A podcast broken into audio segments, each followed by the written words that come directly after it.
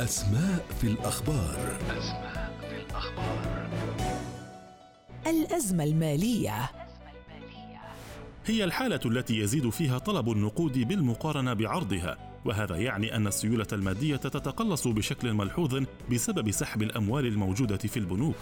ذلك سيؤدي إلى بيع استثمارات أخرى بهدف تعويض النقص المادي.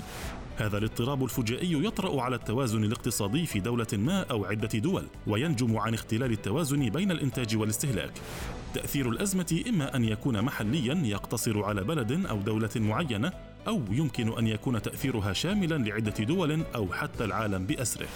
هناك عدة أنواع من الأزمات المالية، أبرزها أزمة العملة، وأزمة الدين المحلي والخارجي، والأزمة المصرفية.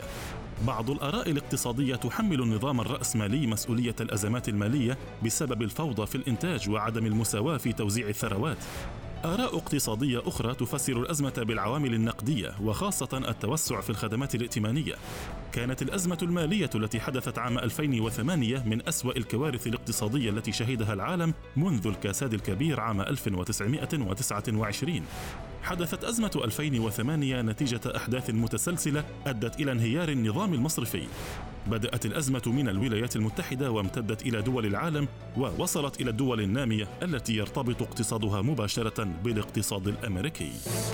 أسماء في الأخبار أسماء في الأخبار